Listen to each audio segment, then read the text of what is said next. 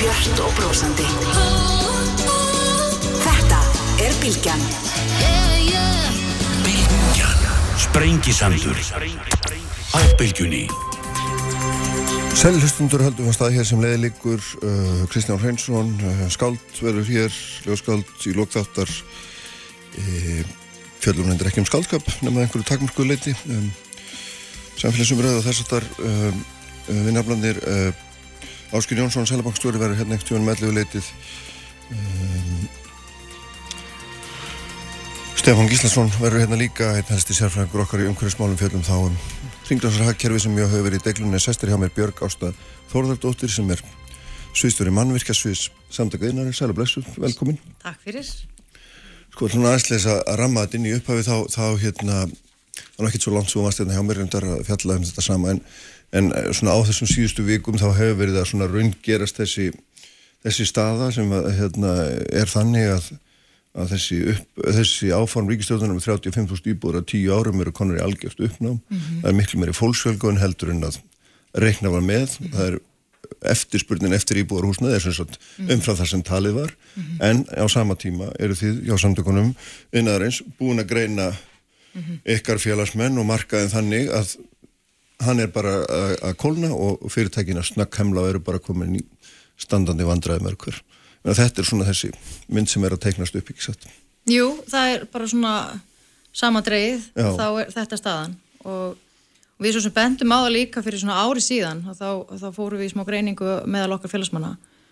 Og, og þá vorum við að takast á við það að það voru gríðilega verðhækkanir uh, út af stríðinu í Ukrænu og þetta líka eftir, eftir málar af COVID aðfangakeði voru rofna og svo framvegis og, og þá kom í ljós að rekstraræðstæður fyrirtækja í þessum geira meðal annars þeirra sem eru byggja húsnaði er mjög krefjandi mm. og við bendum á þá stuðu þá að það væri raunverulega þessar vakstahækkanir, kostnæðarhækkanir eh, launahækkanir, eða vakstahækkanir voru ekki konar fram þá reyndar af þessum marki en og takmarka aðgengi að lóðum myndir raunverulega leiða til þess eða væri að leiða til þess að það væri að draga úr uh, uppbyggingu mm. þar að segja aðstæður fyrirtækjana væru að verða erfiðari og, og síðan þá uh, þá þetta bara hafa aðstæður það er bara að harna meira í dalnum Já. og þetta vaksta hækkanir hafa þetta komið mjög skart inn kostnæðavers hækkanir líka og við tókum það saman um þessari greiningu sem við, við byrtum hérna í byrjun þessari viku að meðalverð á, á íbúð, eða svona íbúð, meðalverð á íbúð hafi hækkað um sko, kostnæður við fyrir ekki, kostnæður við meðal íbúð mm -hmm. hafi hækkað um 7 miljónir frá því Framleyslu kostnæðinir er ekki, ekki verðið sjálf Nei, já. frá því í júli frá Já, í Norjú og þetta er meðal annars bara hreinlega út af þessu að það er, það er þessar kostnæður hækkanir sem byrtast á í hækkun og byggingavístunni það eru líka þessar sko hérna e, þessar, þessi, þessi lekkun og virðsökkaskattunum tekin inn í þetta líka, við gerum ráð fyrir því þegar við vorum að, að, að reikna þetta út, hvaða áhrif þetta myndi hafa á, mm. á kostnæðin og þetta er auðvitað staða sem er bara í þessum, að, þessum aðstæðin sem er núna mjög örfitt að brúa. Og, og og þetta er líka síðan þetta leiði til þess að maður horfir á stöðun eins og hún er á markaðum í dag og við erum aðeins búin að vera að rýna og greiningin byrtir og það sýnir og, og við tökum við tölur frá húsnæðs- og mannverkjastofnun í, í þeim efnum sem voru byrta þannig vekunu undan að það er að, að draga úr fjöldan nýra íbúða sem eru að koma inn á markað töluvert. Og það er spáum það að það muni halda áfram. Þvert á það sem að allar áallaninn gerður að fyrir Já og, og minna, við erum að tala um það og þessi samningu sem vísa til hérna áðan þetta gerir áfyrir því að við sem byggja svona 3544 íbúður á ári. Um, við sjáum það það hefur verið stígandi frá árum 2013 þegar við, frá því að við erum bara í algjörði læg og náum toppið 2020 Já. og þá erum við að framlega 3800 íbúður inn á markaðin um, strax bara núna í fyrra og þá erum við komið neyri í 2900 íbúður og spá húsnæðismarkistofning gerir á fyrir það að vera 2800 íbúður í ár. Þannig að það er því, þúsund íbúða munur mm -hmm. á milli 2020 og 2023 Já. og svo við horfum fram á við að þá lítur þetta nú ekki betur út. Um, því að þá erum við líka að sjá að 2025 að þá gerir spá húsnæðismarkistofninu ráð fyrir því að við séum það er umverulega 30% viðbúta samdráttur og þetta, þess vegna þegar þúsund íbúða samdrátt sem varst að lýsa á þann en þá erum við náttúrulega bara að tala um frost bara hreint og klárt Já, þetta er allavega... Þetta gengur eftir. Þetta gengur eftir og, þess vegna höfum við þetta fyrir að tala fyrir því að, að það sé mikilvægt að, að styðja við frambóðslið húsnæðsmarkaðarins og, og það þurfa að grípa til, grípa til aðgerra tengslu við það og við komum aðeins inn á það í þessari, þessari greiningu. Við höfum þetta gert það í lengri tíma um, og, og þetta er auðvitað staða sem að er svo sem búin að vera teiknast upp í, í einhver tíma mm. uh, en, en kemur mjög skart inn núna og þessi samdráttur, þessi spáum samdráttur 2025 er í samræmi við niðurstuður skoðanakonuna sem framkvæmda meðal félagsmála samtaka innarins þar sem að komi ljós að, að það var, voru umverulega 65% samdráttur í fyrirhugum verkefnum um, sem að þá myndir raungerast 2025 og komið það fullu fram ára 2026 þannig að við erum ekki með spá fyrir ára 2026 og vitum umverulega ekki hvað, hvað gerist þá. En En þetta er, þetta er þetta staða sem er, er, er nokkuð svört. 3, 4, 5 og 6 er auðvitað mögur ár miða við þetta. Já, og, og sko, síðan auðvitað velti maður í fyrir sér. Ég meina, við getum sagt í einhverju samhengi að, að byggja 2900 íbúðir, eða þess að koma 2900 íbúðum inn á marka sé í einhverju samhengi freka mikið. Og, og, hérna, og það er það í raun og veru og horfir tilbaka í söguna. Uh -huh. En staðan er líka þessi á sama tíma og það er að draga úr um, þessum fjölda sem eru komin á markaðin og þá er okkur eins og sæðir aðan, okkur eru fjölga Já. gríðarlega Já. og ef við horfum bara árið fyrra og með að við mannfjölda aukninguna, þá hefðu við raun og verið þurft að byggja svona 4.800 íbúðir við byggðum 2.900 íbúðurinn á markaðin uh mhm. -huh. þannig að það var 1900 íbúða munur þannig að við erum strax 10-0 í mínus eða skilur, við erum bara, þetta, þetta gengur dæmi gengur illa upp svona og, og við þurfum að huga þessari stöðu því að því að því sem við hefum líka rætt er að þessi staða, þessi, þessi spenna húsnæðismarkaði eru auðvitað stór áhrifavaldur í verbulgunni og við höfum þetta tala og bent á að þennar vítarhing sem að myndast mm. ef við hugum ekki að því að tryggja auki frambóð á húsnæði. Já og þá getum við einmitt farið inn á hérna, nýja tilögur ríkstjórnar sem eiga einmitt að, mm -hmm. að horfa til þess og -hmm. þar er verið að hérna tala sérstaklega um stoppframlög til uppbygginga leiguíbúða innan þess að sem kallað er almenna íbúðakerfið. Og, þarna, og þar er menn innveðar á þeirra heyrði húnum um daginn einhver staðar þar sem hann var hérna, bjart síðan á þetta myndi þessar breytingar sem þeir eru bóra núna myndi skipta miklu máli. Hvað, hvað hvert er Já, já, þessu? Já, um, um mitt, ég meina það, það sé standi til að, að halda áfram uppbyggingu á, á þessum, þessum íbúðum og, og halda áfram uh, framkvæmdastíginu, það, það er bara jákvægt mm. og, en það þarf líka að hafa það í huga um, þetta, þetta leysir ekki allar vanda það, það þarf að gera meira mm. það er umverulega staðan þessi, þetta almenna íbúakerfi sem er umverulega félagslegt íbúar legu íbúarhúsnæði sem að þarna er verið að setja upp til þess að reyna að búa líka til ákveðin fjölbildreika í íslensku legumarkaði um, að það um, hendar bara og er bara ætla fyrir ákveðin hópa fólki. Og, og það er bara það er bara svo gott, svo langt sem það nær. Já. megin þóri fólk svellur ekki undir þetta kerfi og það eru þetta gríðalegur þrýstingur á líka sérregnar íbúðir og, og íbúðir sem að eh, ganga og kaupum á sölum, þessi almenni markaðar eins og við kallum þetta. Og við þetta, getum ekki verið í þeirri stöðu að við séum eh, ekkert að byggja eða mjög lítið að byggja inn í þann markað. Mm. því þá myndast aftur mjög mikil þrýstingur líka þar. Þannig við þurfum að huga báðum uh, húsnæðisúræðum og við höfum þetta að tala fyrir því að það er eitt úræði sem hefur lítið farið fyrir því miður og en það er þessi hlutildalan Um, það er ákveðin leið til þess að brúa eh, þarna ákveði bíl, það er segja það er þarna... Já, það er reyndar í tilónum líka verið, þau verði, verði aukinn, framlega til þeirra verði aukinn. Já, og staðan er heimfallega þessi að, að reglugerð sem á að uppfara tekju og, og, og kostnaði við með að verði við, við með þessa regna hefur ekki uppfara síðan í februar síðast, síðasta ári. Og það hefur tölvöld gerst síðan þá. Mm -hmm.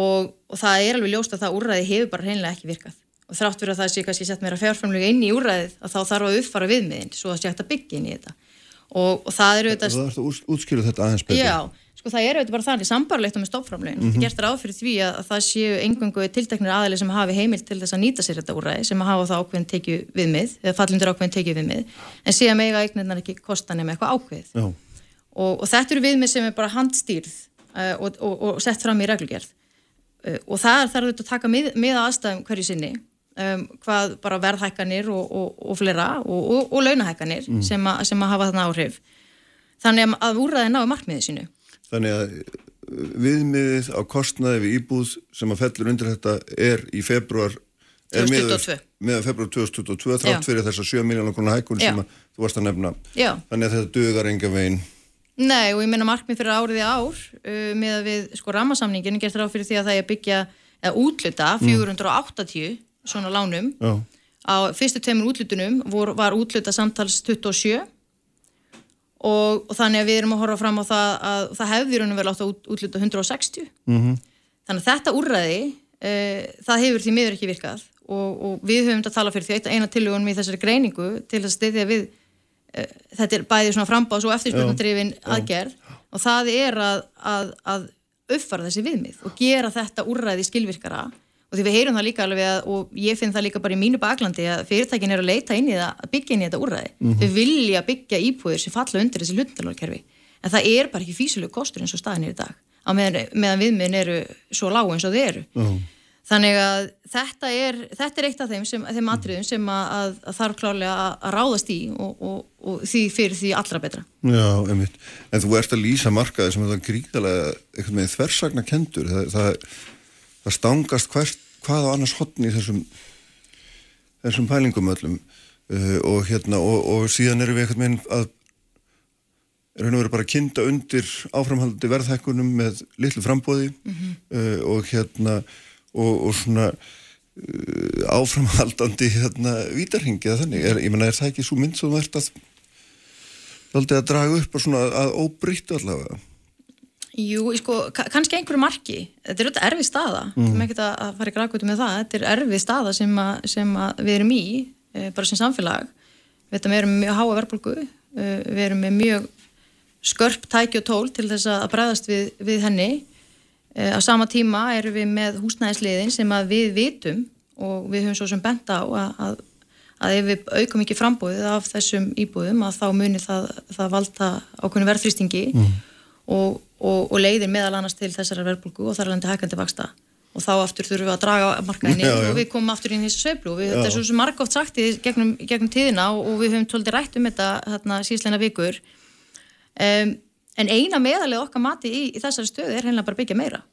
Og, og það er, það er sko, leiðin áfram líka svo við komist ekki að þeirri niðurstöður 2025-2026 að við erum í, í sömu stöðu í dag jafnvel verri og, og aftur kemur þessi verðrýstingur og, og við komum einhvern veginn inn í annað verðbólkutímbil mm -hmm. ef við erum búin að ná okkur fyrir þann tíma sem ég ætla rétt að vona að við séum búin að gera Já, en uh, hér er, eh, sko það er náttúrulega þannig, eða stórst yfir manni sagt það að það séu heimildir, þessi þegar búið útluta heimildir til þess að höfuborgarsvæðinu fyrir einhverjum 1200 íbúðum Já. sem bara, hérna, enginn byrjar á -hmm.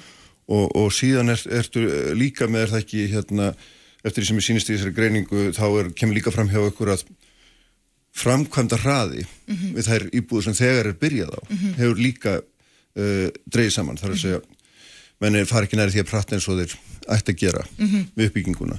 Þannig að þannig er nú tækifæri innan þess ramma sem við þegar erum í til þess að auka frambóð eða hvað Já, og, og eflaust sko, það er auðvitað hægt að, að framkvæmda tímin er alltaf samt eitthvað x, Já. bara út frá gæðum og, og fleira, þá auðvitað gerum við ráð fyrir því að, að mannvirki að það sé að byggjast upp á, á svona um það byrjum tveimur árum og við erum ekkert mjög mikið að, að, að ringla með þann byggingatíma Eh, það getur verið misætt eftir, eftir tegund eh, mannvirkja þó, en, en jú, ég menna það er oft verið að tala um þessu uppbyggingar heimildir og, og hvernig við erum verulega að sjáum uppbyggingu gerast á, á þeim lóðum sem nú þegar eru þó búið að útluta eða eigna lóðum eða eitthvað slíkt.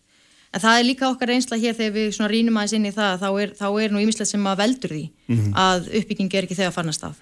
Og það er ekki, ekki síður bara skipulagsæðlis eða það, er, það, er, það eru samningar við sveitafélög sem að hafa jafnvel verið að tefja fyrir eða allavega haft áhrif á, á, á, á svona vilja fyrirtæki til að fara að stað um, og getu jafnvel. Og síðan núna erum við að sjá það og það hefur aðeins verið svona í umræðinni að, að það sé svo greiðlega mikil þensla og því að það er svo mikið verið að, að sko lána, mm. aukin útlán til, til, til framkvæmdaræðila og, og það er svo sem við komum að sinna þessari greiningu að, að ástæðan fyrir því að, að það er verið að lána meira er ekki það að það, sé, það eru fleiri verkefnum frá staðindilega heldur að það er einfallega bara einmitt þess að þú segir, það er bara framkvæmdtímin er hægari, mm. byggingakostnæðurinn hefur hækkað og þetta síðan sé- hefur sölutími eignar lengst. Já, þannig að, að, að kostnæðurinn við hverja framkvæmd er, er að aukast og, og útlána tíðnin eða útlána magnið er bara að endurspegla það Já. þannig En að við það erum endur speklar ekki fjöldan, endur speklar ekki það að íbúðan sé að fjölga. Nei, og það er endurspegla raunverulega þá stöðu miklu frekar að það sé aukin skuldsetning hjá þessum aðlum og, og þetta er auðvitað, þetta er alvarleg staða sem við þurfum að horfast í augu við og, og allir hafa sín hlutverk að gegna í, í þessu sammingi auðvitað höfum við okkar hlutverk að gegna að, að byggja upp gæða mannvirki og gera það hakamann skilvirkan hátt. Um, en síðan auðvitað bendum við líka á það að það er, það er auðvitað ábyrra hluti líka sveitafélagana sem einmitt halda á þessum lóðum. Og, og það er, hefur oft verið eitthvað svona upplýsingar óreiða í tengslum við það bara hversu mikið af lóðum er í bóði, Jú, jú, hvar þar eru og hvað verði til að mynda. Já. og ef við til að mynda sveitafélagum myndi bara leggja þetta skýrar fram um, þá, þá væru við, getum við alltaf að vera að tala um efnistatrin eins og þau eru en ekki einhvern veginn einhverju hugleggingar um, um, um, um það hvernig hlutin er ætti að vera. Keir á milli hverfa og telja krana eins og Já, mér skilst að sé enn gert Það eins og ólíklegt og það hljómar. Sko. Já, ekki bara krana þó sko, og helst, og sí, sí, sí, síst hérna kranana, því að, því að þetta er svolítið áhugavert, því að gagna öflun í, í þessum hérna innaði núna, það er að segja bara bæði hvað er verið að byggja upp og hver er eftirspurnin eftir íbúðunum, hún er auðvitað verið, batnað gríðarlega og, og bara síðslinum þremur, þremur fjórum árum. Já. og við auðvitað samtökum innaðarins fórum einmitt að stað og keirðum á milli og, bygg, og, og fórum að telja bara hvað væri í byggingu. Það var bara hreinlega út af því að hagtölskráningin var eh, svo slæm. Það er að segja í þessum, það var ekki verið að, að það var ekki raun tölur að finna í gögnum til dæmis byggingafulltrúa um hvað var í raunverli byggingu þannig að við förum að teljum þetta en við erum afhendu kepli yfir húsnæðs mannverkistofnunar í, í september og síðast, ári og, og þau eru núna að, keira á milli og, og það eru þessa tölur sem við erum að byggja okkar greiningu á. Og þannig að, að og, það, og þá kemur að ljós, eins og segir að, að bæði er, er þeim íbúin sem við erum að koma inn á marka, þeim er að, er að fækka mm. og er útlýtt fyrir að þeim fækki umtalsvert. Og síðan að þörfin er að aukast tölvert En það er það stór merkild ástand vegna þess að, að eins og þú nefnir hérna, þessi upplýsingasöfn hún er gjörbreyst á undanföllum árum Mhm. og, og þó maður sé ekki gera grína þessari kranatalningu sem var fyrir nokkrum árum. Auðvitað veit ég það líka að þetta eru allt öðruvís í dag. Já. og við erum komin með hérna, húsnæðis og mannvirkstofnun og við erum líka komin með hérna, þessi áform innviðar á þeirra sem að því hafi meðal annars losfungi um þessar 35.000 stíbúðir sem er þó eitthvað markmið sem að allir geta unnið eftir. Það er búið að gera hérna rammasamninga við sveitafélög um hvernig þetta allt saman á að ganga og það verðist hérna, vera fullt af vinnu í gangi. En þrátt fyrir það er markaðurinn þessi skrítni markaður sem er í svona stöðu og kollsteipum svo langt aftur sem að mann bara á leið í enn eina kollsteipuna þrátt fyrir að utanum þetta allt sé núna miklu betur haldið. Ég held að sé kannski, nú vitum við allavega betur hvað er að fara að gerast. Já, Við við vitum alla- semst að við erum á leið í kollsteipu Já, við vitum allavega hvar við erum og, Já. og, og það er allavega eitthvað, það er er Já, mjög jákvætt. og að- við getum þá tekið ákvarðanir í, í samræmi við það. um, en það okkur þarf líka á sama tíma fyrir ekki að, að, að, að bera gæfa til þess að, að, að þekkja eh, gangin í og áhrif þessa markaðar. Og, og ég held til að mynda hérna uh, við vitum að, að staðan er, er, er, er að vesna uh, það eru við með mjög margar íbúður í byggingu og, og, og það er út af því að líka fyrirtækin hafa verið að fara að stað og, raunverulega tekið áskorunni og, og byggt meira, farið að stað í, í fleiri verkefni til þess að mæta þessari þörf. Uh, því að það er engin á, í, raun og veru af okkar fyrirtækjum sem að hafa einhvern áhuga því að vera tegð sundur og saman, þau vilja bara vera með stöðu og uppbyggingu í, í lengri tíma. Um, en síðan auðvitað sko, auðvitað furðum við okkur á því við viðkenna það alveg að, að það á sama tíma og við, við erum með þessa markmiðsetningu og að þá erum við líka að höggva niður á frambáslið markaðarins með þessari til að mynda skattahækun sem var samþygt hérna fyrir helgi. Og, og þessi aðgerð auðvitað, ef við horfum bara hana einangraða hún auðvitað hefur þau áhrif að, að núna strax um, um mánaðamótin að þá lækka endurgræslunar á verkefnum sem að voru kannski skipulegu fyrir 23 ára Það er síðan. Að tala um verið söka skatts Já, hlutfalli lækkun á, á endur greitt er að vinna á stað ekki satt? Jú. Já, og, sem er í aðlýsinu bara skattahækun og, og á íbúðamarkaðin á þeim tíma Minni þegar við skatta afsláttur myndi einhver segja. Já, já, og, það, og, ég meina það er alveg einhver tala um stuðning en, en, en í eðlisínu er þetta bara líka þannig horfa til þess að, að þetta er ekki, ekki eins og hverjunu vara, hún er ekki sko, hún er ekki virðsöka skattskild sem þau seljum hana, mm. þannig að það er ekki svona innskattur og útskattur eins og, eins og hefbundið er í, í bara venjulegu fyrirtækjarekstri og þannig að þetta er auðvitað bara skattur sem að, sem að fyrirtækin þá bera mm. og, og, hérna, og síðan þetta eru við í þessum aðstæðum að, að hvernig sem við ákveðum að, að gera breytingar að þá myndum við auðvitað gerðan vilja fá eitthvað tíma til þess að undirbú okkur og, og eitthvað umþóttunarfrest. Því þetta er svona einhverju marki ber líka þess aðlis að þetta sé afturvirkni. En á móti kemur og þá eru eitthvað svona, eitthvað von líka. Ég menna það eru auðvitað fjármjörður hefur skýrum það að horfa til þess hvernig markaðin mun þróast. Mm og, og þá þetta vonustu til þess að, að ef, ef að framfer sem horfir og við höfum verið að benda á að, að markaðurinn uh, hreinlega hérna uh, fari með dýðufrost eins og þú ert að nefna eða ég sé að stefna í það sem við reyndar teljum og gögnum byrju með sér já, já. að þá verði bakka með þessa aðgerð En ég er sérst ykkar aðlginga og svona að segja og svona ykkar félagsmanna hvert til annars svo að býða þetta af sér leggja ekki að staði ykkur líkinu er, er það andin í fólki að, að það sé besta hérna Nei, láta, nei. Láta hérna, þetta aðeins gangi yfir. Auðvitað eru, eru skinsamir fyrirtækireikandur og skinsamir aðilar að velta fyrir sér stöðinni og það er bara óhjákvæmilegt. Mm. Þegar þú sér að vakstakostnaðin hækka uh, mikið, þú sér að, að sölutími eignar að lengjast, uh, þú jæfnvel situr uppi með heilu blokkirnar sem að það, það er ekkert að seljast úr, mm. að þá sjálfsögðu hugsar fólk sem tvisar um en það er alveg vilji til þess og maður sér það alveg, fyrirtækin vilja halda áfram, drátt fyrir að, aðstæðis séu erfiðar. Þau vilja sækja lóðir, það er eftirspurn eftir þeim lóðum sem að koma mm. til mis Mósusbær fór með lóðir á útbóð uh, það var í, í síðasta mánuði og það var tölvöld mikil eftirspurn eftir þeim þrátt fyrir þessar aðstæður á markaði. Þannig að, eh, og fyrirtæki, ég meina við sjáum það í blöðunum er að reyna að byggja upp hérna íbúður á, á, í Reykjavík og, og eru þar að horfa mm. til með sinni í þetta hlutlánkerfi meðal annars þannig að fyrirtækinu leita leiða. Og, og er, en, en auðvitað er aðstæður mjög kræfjandi mm. og, og það er ekkert útsið með það hvernig þetta fer. En þess vegna eru við þetta vonast til þess að við getum öll tekið höndum saman og stutt við það, þessa frambóðslið húsnæðismarkaðarins. Og, og fyrsta tillagan okkar var auðvitað læka ekki hendugrúslu hlutvöldlið það eru auðvitað hérna, raungert Um, en það er auðvitað, önnu til að okkar er að styðja við hlutlunarkerfið og við fögnum því að mm. ríkistjórnin ætla að gera það. En síðan auðvitað þegar við horfum til sveitafélagana þá þarf við auðvitað að fjölga lóðum. Mm. og svo er önn eitt annað sem við höfum líka rætt og það er að, að það þarf að endur skoða fyrirkomulega gjaldtöku hjá sveitafélagana á íbúiðbyggingu hún er mjög framhlaðin. Þar að segja að það er mikill kostnæður sem fellur til jafnvel áður en löngu áður en þú byrjar að byggja. Mm -hmm. og hann er að hækka þessi kostnæður. Þannig að e, sveitafél... Hvers konar kostnæður það tala um þá? Þetta eru, þetta eru þetta loðaverð, þetta eru, þetta eru í nýmisgjöld sem að falla til. Svo hvernig innveðagjöld og þess að það er? Já, það er, þau eru innveðagjöldin og, og byggingaréttagjöldin sem við orðum þau, köllu það líka í sumi sveitafélögum um, og svo þetta eru önnu gjöldi svo byggingar leifisgjöld og, og það eru þarna, það eru, svo þetta fastegnagjöldin komið þarna inn á ákveðinu tíðanbúndi líka, það hefur verið svona ákveðin umræðan um það hvort það væri hægt að, að, að fresta þeim gældugum aðeins aftar mm -hmm. uh, í ferlinu þannig að þú sért ekki að borga veik sem er til dæmis bara tóm oh.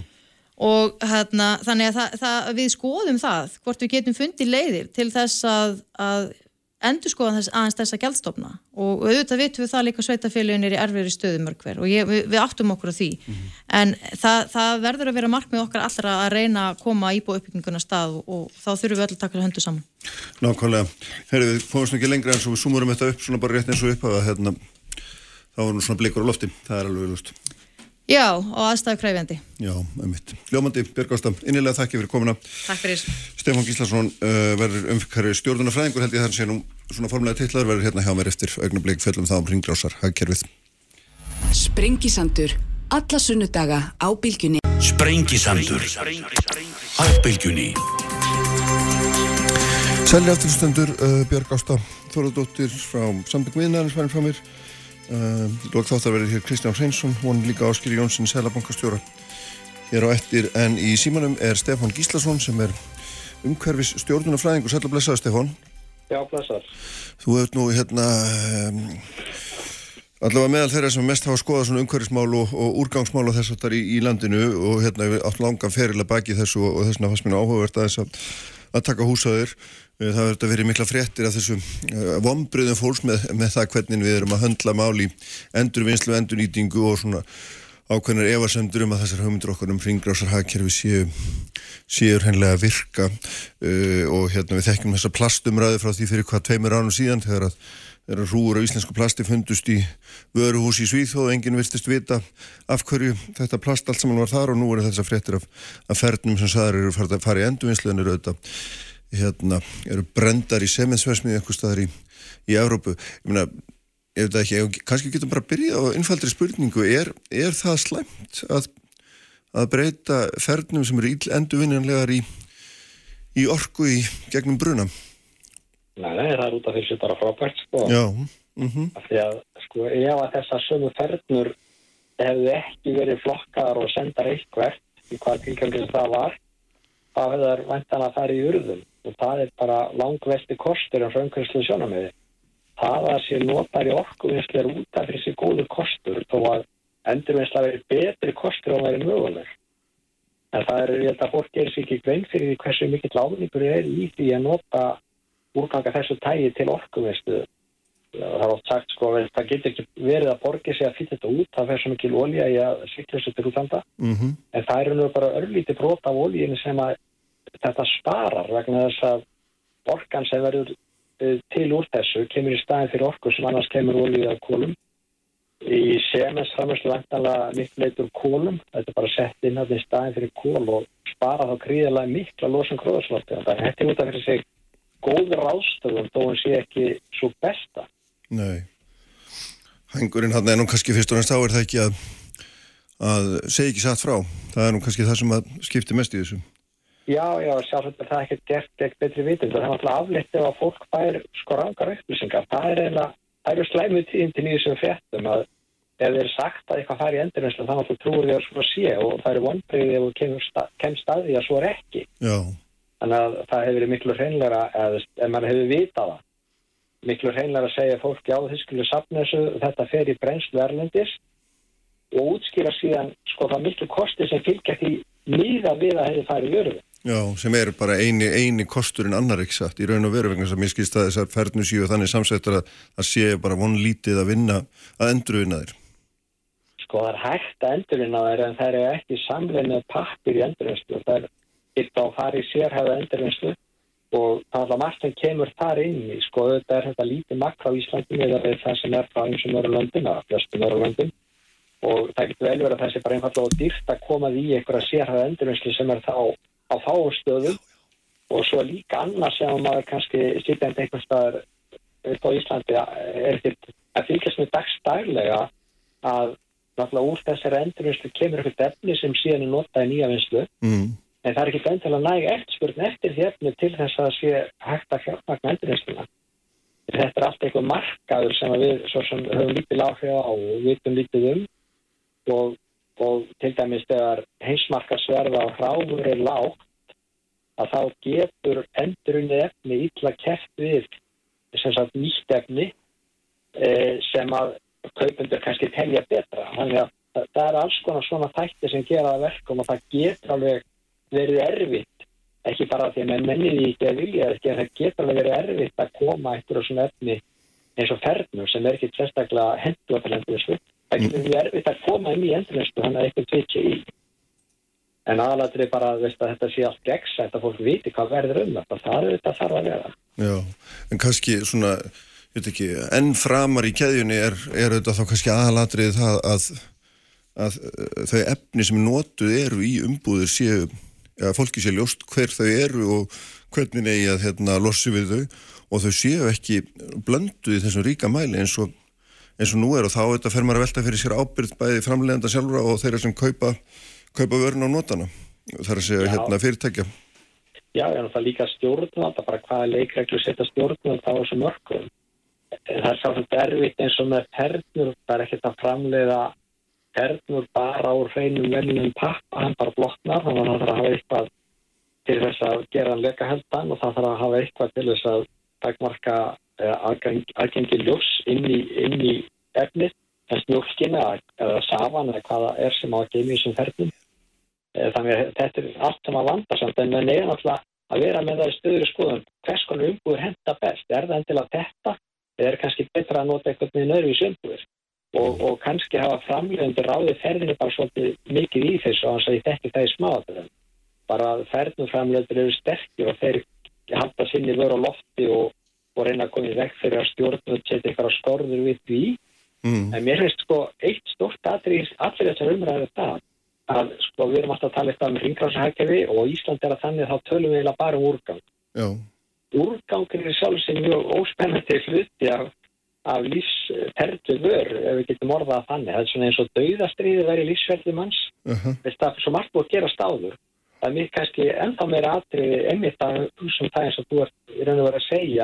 skoða hvernig er þessar umbúður hannaðar og svo líka þurfum við sem neytendur sem að stöndum upp einu sinna ári og verðum hegstu á einhverju sem að er gert villast við sem neytendur þurfum líka að vera vakant að spyrja spyr, spurninga þannig við sem er að kaupa allt þetta dót og drast sko, það er ekki að tala um terður sem allt annað. Já, já, og við þurfum alltaf að vera að skoða allan, allan þennan hérna, allan þennan feril, ekki bara hérna vera eitthvað að við, við leysum ekki málin málin, semst áskoranir sem mannkinni stendur fram fyrir með því einu að standa okkur vel í úrgansfasan við þurfum að standa okkur vel þar, við þurfum að segja hlutin eins og þeir eru, en við þurfum líka að skoða nýstlun okkar, hvað erum við að kaupa? Til þess að nota það? Já, og hvaða leikar setja stjórn og þeim sem er að móta einhver efni inn á að marka? Já, já, nákvæmlega. Stefán, það er hérna, aðeins einhverju skruðningar í, í símanum, annarkvort hérna getur þú kannski fært Já, ég, ég ætla aðeins að breyta hérna bara umstöðlingu Já, Spur, prófum þetta svona. já, þannig ertu allt annað maður. Er, er, er ekki alltaf maður hér? Jú, svo Það er spurningum að stilla þetta rétt að hérna, hvar maður er og Já. nálaft hverju, sko. Já, en hérna það sem að, höldum aðeins þessum þræð áfram vegna þess að auðvitað er þetta svolítið þannig að að ábyrðin af þessu kerfi, þessu endurvillu kerfi er svolítið verið sett á neytenduna þeir flokka vörðnar og eiga skila þeim síðan og hérna þannig að hægt sé að endurvinna þær en, en, en hún hefur einmitt ekki verið þarna framalega í þeim sem að hanna og þróa vörðnar sem að síðan er dreift sko. Nei, ég held að, held að sé kannski svona, hvað ég segja, það má kannski segja að framlendur hafi haft of mikil völd í þessu.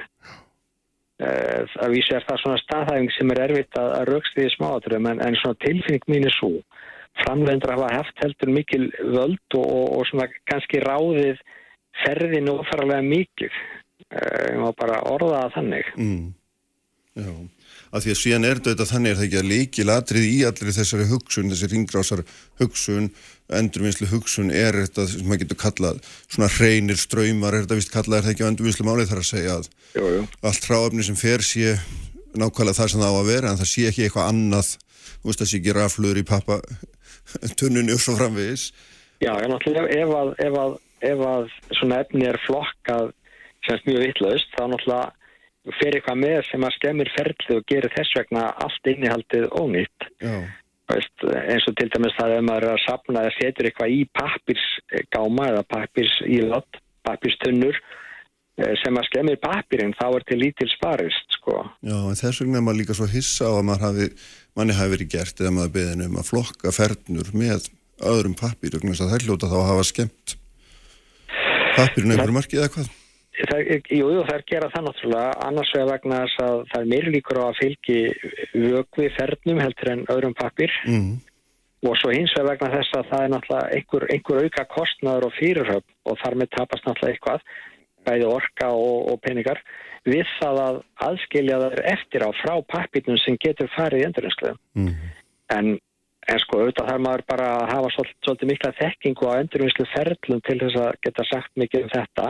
En það kvarlar alveg, alveg aðmanni að kannski veri skynsanlega mér sprásta til að skoða það að sapna ferlum með plasti heldur en með pappir Já, já, og ég veit að það er semst að gert eins og á Norrlöndunum, einhverjum Norrlöndum eins og í Danmörku þá er þetta gert í þannig frá mæli og það hefur sína kosti sko og það getur vel verið að það sé svona í það heila betri leið, þannig að sé alltaf neitt að fullur um það. já, einu. Eitt sem að líka er áhugavert að hérna, fá að nefna við þessu sammingi, það er, það er, það er, það er svona þessi fjárarslegu kvatar, uh, hvort að þeir get ekki skipt mála því við þekkjum þannig að mæta vel og allir tala um alltaf þetta eina frábæra dæmi sem eru dósir og flaskur sem við getum skilað og, og fengi peninga fyrir og það er kerfi sem við skilst að skilja einhverju bara 90% endurheimt af, af öllu því sem selt er. Já, já, svo er sagt sko. Já, svo er sagt, já, við skulum þetta fara varlega með tölunar. Nei, já, já, það er mjög líklega eitthvað náttúrulega sko. Já, en væri þetta að beita þessu, ég meina, ég veit, ég heilt í förgum mörgum sem að telja að það var þetta að beita þessu kerfi, svona einhvers konar fjárhastlegu kvatakerfi á fleiri vöruflokku og það myndi geta skilað okkur miklu betri, betri árangri. Hvað heldur þú um það? Já, já, það er örgulega hægt að gera það og það getur vel verið að ferðnur síðan þar á meðal. En, en það er alltaf erfitt að fullir um það að skoða fyrst vegna þess að til dæmis ef við byrjum saman annars vegar fernur og hins vegar svona dæmikera drikjarumbúður eins og áldósir, plastlöskur og þess vegna klörflöskur að þá eru fernur miklu floknari uh, hérna, flokkur flokknar úrgansflokkur skulum við segja sem er erfið að endurvinna. Ef þú til dæmis talar um áldósir þá, þær, þá hendar þær mjög vel í endurvinnslu Þannig að sko vandins getur komið upp þegar maður byggir upp svona kerfi er það að kerfið sko verði með, hvað að segja, kerfið verið ofþungt í vögum og dýrt til þess að þetta réttlaða að miða við verðmætti efnisins sem kerfið skilar. Oh. Þannig að sko fræðilega sé þá er örugla sko hægt að ná betri árangur heldur við náum í því að láta þessu efni skila sér inn í ringrásun aftur með því að geta greitt fólki fyrir að skila þeim. En það eru eitthvað takmark fyrir því sko hversu verðlítið efni má vera til þess að við eigum að vera að byggja upp þannig kerfið, svo allum svona kerfum fylgir á hvið nýðbygging, þú þarfst mm. að vera með eitthvað gjaldskráður, þú þarfst að búa til staði þar sem að fólk getur fara með þetta og fengið endur greitt og svo framvegis. Þannig að það er heilmikið kostnar við þetta kerfi þannig að það þarf alltaf að náttúrulega, veist, það er ekkert sjálfsagt í þessu getum við sagt, þó að þessi þetta leiðinni svar, það er miklu skemmtilega geta sagt, já, nei, þetta er bara svona og ekki svona já, já. En það er ekki svona einfalt sem sagt? Það er ekki svona einfalt, en, en kannski með sko góðstyrkja umbúður er það til einfalt vegna að þetta er gott efni. Já. Að því leiti að það er, það er auðvelt endurinn allavega, það er auðvelt endur, mjög auðvelt endurinn áli, það er auðvelt endurinn að plastið sem er spurning með gleri, það er þungt í flutningu og eitthvað, en, mm. en þetta er svona vel afmarkað, sko, glerflaska er bara glerflaska. Já en ferna stundum og stundum ekki með eh, svona hins eginn plastfilm innanni og álfilm innanni þannig að þetta er miklu floknari vöruflokkur sem er bara með minna verðmæti væntanlega. Það er væntanlega líka takast á einhvern veginn sjóna með svona nýtingar annarsvegar og svo geimsluþóls og, og hreinlætis og, og hvað þetta heitir allt í matalafræðanslu. Já, já og svo það sko hversu, góð, hversu gott efni getur þú framleitt úr þessu? Svonst getur þú til dæmis í áldós og þú getur bara brætt þær og svo getur þú bara framleitt nýjar áldósir og þær eru ja, góðar og þær fyrri. En það, það er ekki við um fernur þú ert alltaf að fara í eitthvað eins lagara hvað segja, lagari vöru sem er semst næsta kynslu sem vinnur úr endurinu fernum. þannig að það er alls konar svona þættir sem spil inn í. Já, já Sko eitt sem að líka farveitnilegt í, í allir þessari umræðu það er, það er þetta hlutverk þessar svo kallega úrvinnslu sjóðs sem að núna hérna, uh, hefur skotið upp á, ja, skotist í kastljósið, getur við sagt hérna og hann greiðir fyrirtækjum uh, af skattfjöð fyrir að, að hérna, endurvinna vörur eða með svo stið eftir því sem fyrirtækinn segja eða endurvinna vörur og, og, og nær svo ekki að fylgjast með því. Er, er þetta úrvinnslu sjóðskerfi uh, eftir þinnið þekkingu, er þetta gott kerfi? Sko þetta er eitt af fleiri kerfum sem kemur til, kemur til greina að nota. Það eru ekki notuð alveg eins kerfi eins og hinn Norrlundurum en ég held að grunni til sé þetta gott kerfi en það eru þetta bara, það er flókið að halda utanum það og það má kannski gaggrina úrvæslu sjóð fyrir það að það er ekki verið nógu mikið gegsa í því sem að uh, hann er að gera. Semst, það, það er stundum verið erfitt að fá uppsingar um nákvæmlega hvað er í gangi og þetta, þetta er alveg flókið en, en sko skattfíð og ekki skattfíð þetta er kannski ekki bylnið skattfíð vegna svo úrvinnslisvöru fjármagnar með gjöldum sem eru lögð á vörur sem verðað úrgangi. Mm. þannig að það er ekki tekið að tekja skattir um okkar nei, nei, nei, þetta er annars konar göld já, já, já, bara varan er aðeins stýrari sem því nefnur og þar náttúrulega kemur inn líka sko ákveðin þrýstingur frá framleiðendum sem að vilja ekki að þessi göld séu há eða vilja kannski ekki að leggist á. Þannig að það er ákveðin svona þess að ákveðin tregða við því að hækka gjöld sem lögður á vörur sem að gætu annars stuðla því að fólk myndir frekar kaupa ykkur aðra vörur sem að hafa minni neikvæð áhrifum hverju þeirra verða úrgangi. Þannig að það er alls konar svona þættir og þetta er alveg flókettir mjög margir vöruflokkar og oft mikið blandað efni. Þannig að ég held að sko að grunni til þetta gott kerfi, er eins gott eins og, eins og hvað annað.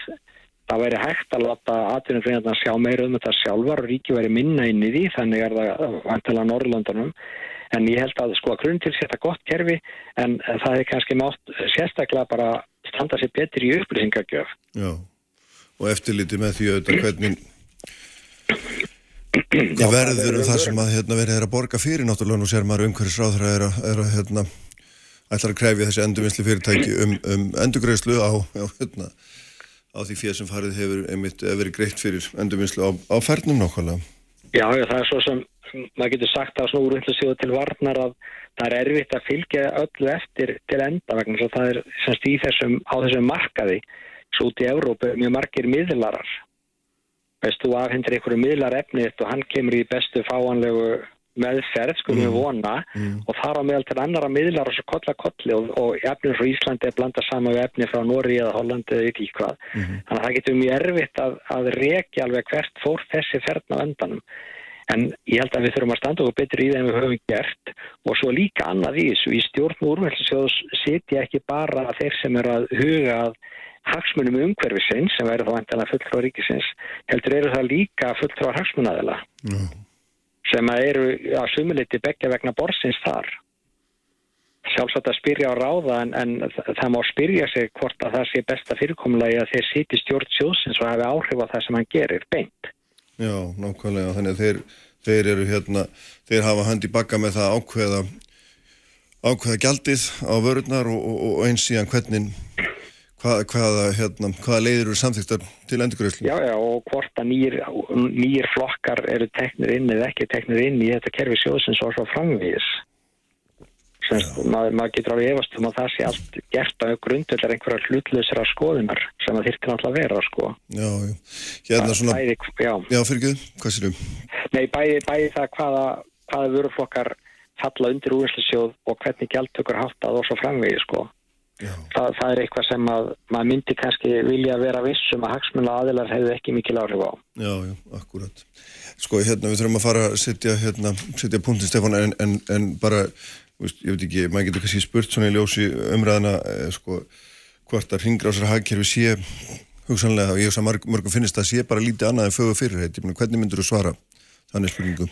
Sko, ef að menn standa sig ekki þá er þetta bara fögur fyrir þetta er ringrása hagkerfi er í raun og veru bara eina hagkerfi sem við getum haldið áfram að lifa í og það gengur einfall út á það ekki bara að flokka fernur heldur út á það að tryggja að auðlindirna sem við höfum á jörðinni sem eru vísulega takmarkaðar að þær fær ekki til spillist, þær ekki bara grafnar í jörð og einhverjum urðunastöðum ekki notaði mér og tekna bara nýjar. Heldur að haldið alltaf áfram verið ringrásun til þess að við getum haldið áfram verið til þess að jörð. Mm -hmm. því að jörðin hefur bara endala stærð og, og hérna, það rúmast ekki meir en til ekki magna auðlinda á kúla á þessari stærð.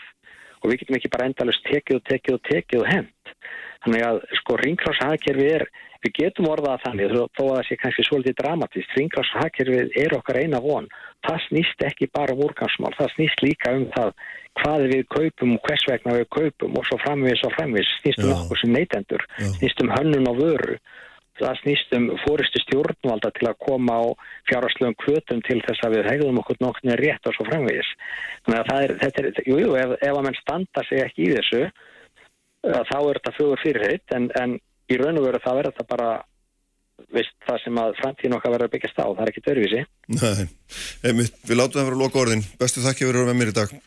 Já, takk sem leiðis Takk, takk, og hérna Ásker Jónsson, Sælabankstjóri er hérna eftir augnumleikum Sprengisandur. Á bylgjunni. Uppspretta frétta á Sprengisandi. Á bylgjunni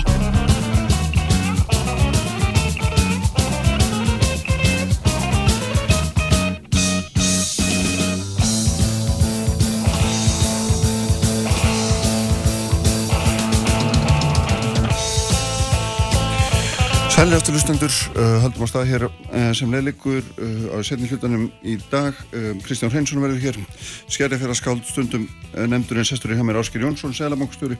Sælir blessaður, ræmilega velkomin. Ég, ég þakka þér fyrir, blessaður. Þú varst maður ásins í fyrra. Já. Ég ætla að leiða mér að spáðu verðið ekki núna. Nei, ég hugsa það sko að um. síðust, síðustu árum átti ég var bæði valin maður ársins á Íslandi og þarna, þarna hvað sé leiðin geti ekki verið nefn bara niður fyrir mig hér, hér eftir en nei en uh, sko róðurinn hefur þingst og, og um, þetta er róðan tóra mun þingra að það er við og ég núna hefðan tóra miklu ákveð núna ég verður ekki engin niður við hefum þurft að hækka vexti og, og næstu mánuðum eru vextirnir þessi hávextir að fara að lenda á þjóðunni Já, og miklum hef, krafti. miklum krafti og, og auðvitað hef ég á að gera því. Og, og þá leiðar til þess að sko að mér finnst þá að menn eigi, eða sérst, við höfum bara að fara, að ræða þessi vandamál, við bara setja okkar ego til hliðar og, Mhm. og við, við þurfum bara aðeins að fara að koma saman sko. Hvað, hvað merkir þessi setning hjá þér að setja okkar ego til hliðar? Hverju er þetta? Nei, bara það að, að sko um, að því að um, bara það að, að sko um, mín, mín mati þá bara, bara verður það, það, það verður eiginlega að vera ykkur heildar laus sko, aðra vinnumarkaðar en stjórnvöld vera aðeins að setjast, setjast niður og bara setja eitthvað feril fram á við. Sem ætti að vera fólkin í hverju? bara einhvern hérna, bara eins og það um, um, fyrir sánleika varandi launathróun sem þá langtíma sanningur líka einhver áallinir um frambóðu húsnæði sem dæmi.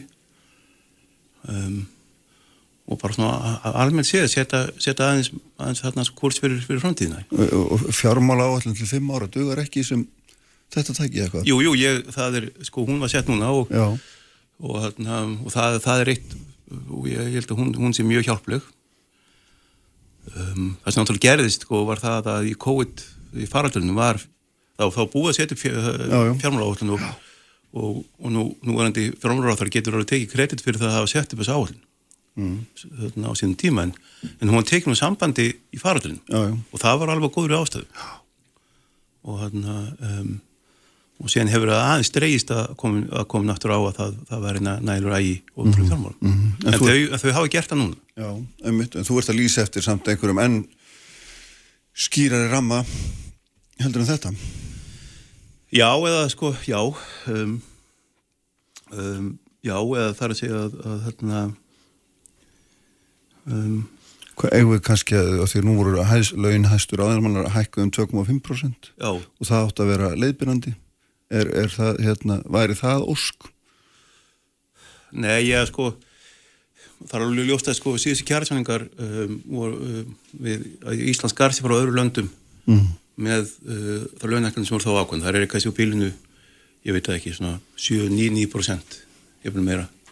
Svo er þetta að gera ekki reynd fyrir króntúlvækun hvernig það koma fram og um, og við skerum okkur úr frá öðrum þjóðum með, með því hvað hvernig vinnumarkaðan brást við verðblokkunni og það held ég að mínu mati ég vil bara taka það fram að sko verðblokkan sem við, við höfum fengið er eitthvað litið alþjóðlegu skellur. Já, og alla þjóður fengu þennan mikla verðbólkuskell og við, við fengum ekkit endilega mikið meiri verðbólku en aðra þjóður, ég er minni að því við erum ekki uh, ekki nota gas eða olíu til þess að, til þess að hita húsin okkar um, en það sem, að, við, það sem að skildi frá okkur og öðrum þjóðum er það að, að þess að miklu launækanir uh, skullin um, og líka það voru hérna um, svona aftur og greitt uh, tölvört og, og það held ég hafi, hafi eitthvað lit haft tölur áhrif, verðbólka gekk ekki niður. Mm.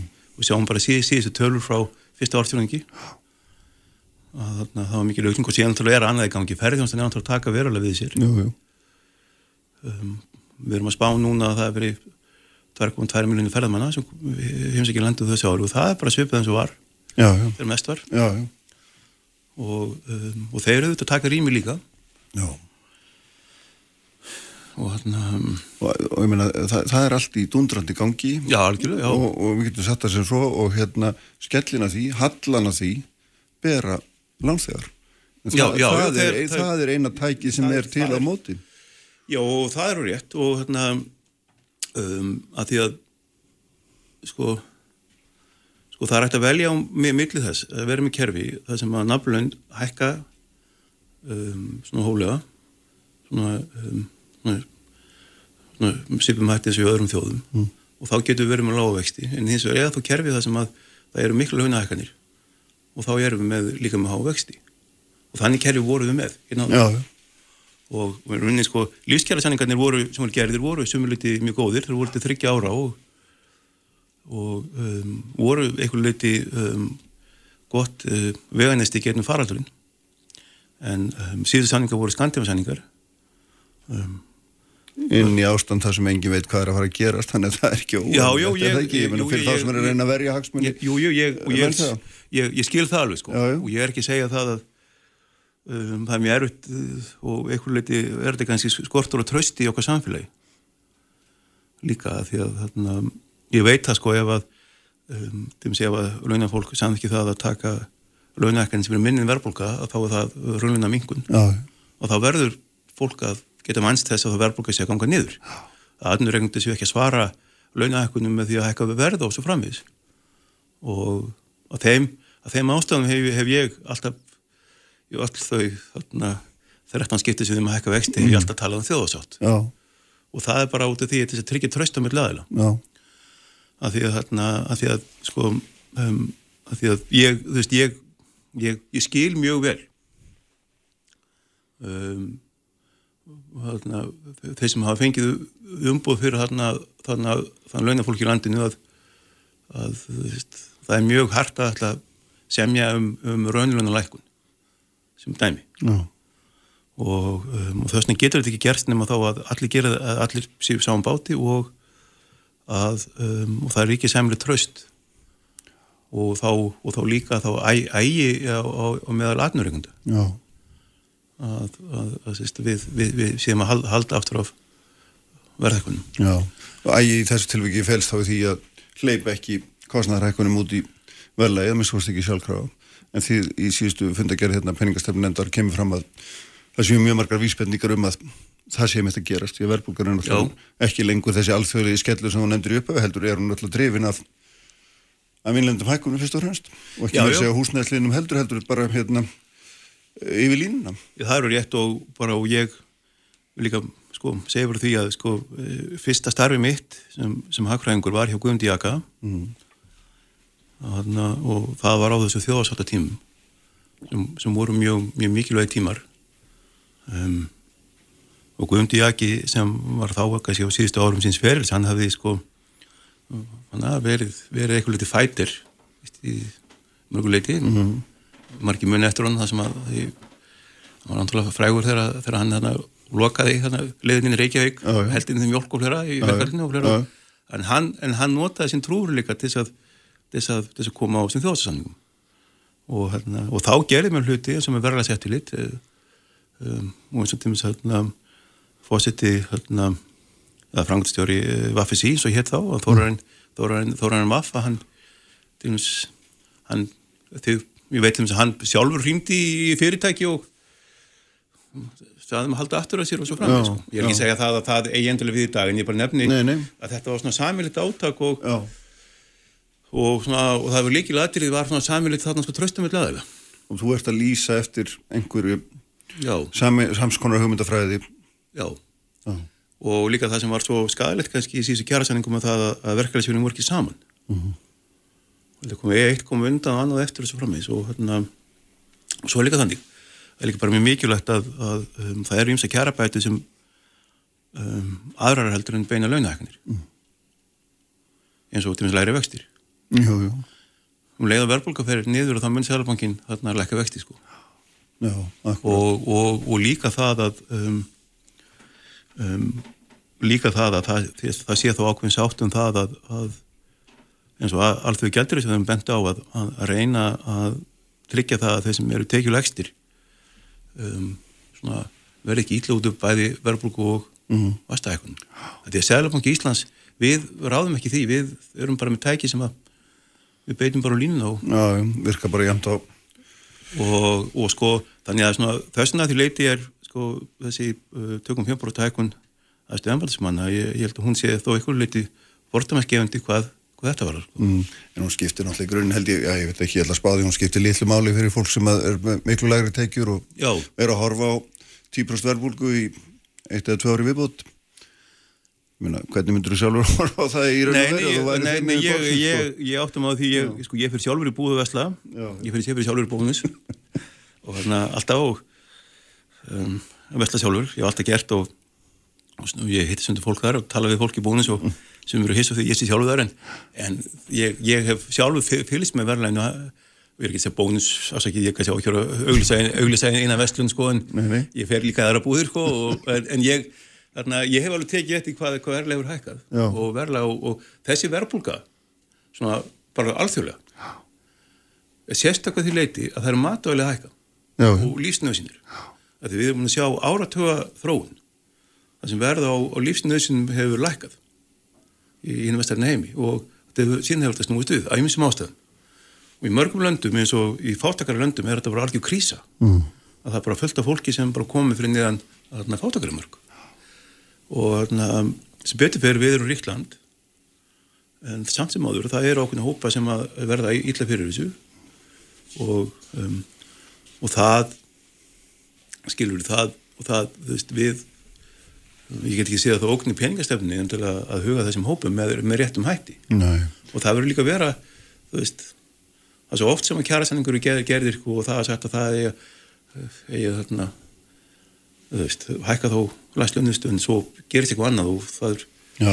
og um, þannig að þarna, þetta er ekki sem þarf að, að huga að. Ég bara nefni þetta að, eins og segja aftur að uh, núna eru e, e, mín tilfingu svo og núna séu vastahækina hann er að býta um, og, ég, og það er gott að því leiti að, að mér sínist að verðbúka muni fara hraðar niður heldur en meðum spáð og við sjálf ekki gaf síðast út verðbúku spá hvað fyrir þrejum vikum? Mm -hmm og peningastefnum nefnd ákvað þá að hækka vext um 125 púnta til þess að gera þess að spá úrælda saman dag hún er í byrkt mm -hmm. það er að segja að við undan á verðblokkur hraða niður.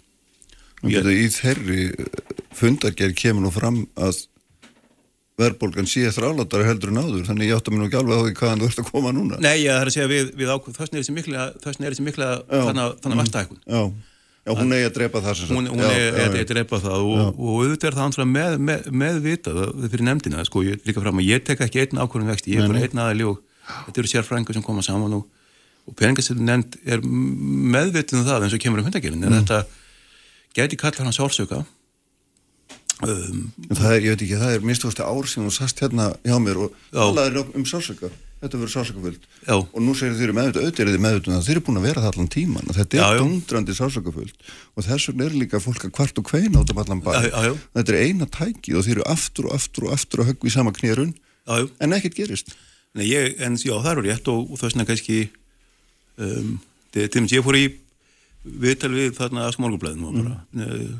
það er byrst á hundinju og það er ákvæð ég er að reyna að vera bara mjög direkt þannig viðtalið er bara skrifað á hana, sko, talmáli sko. mm -hmm.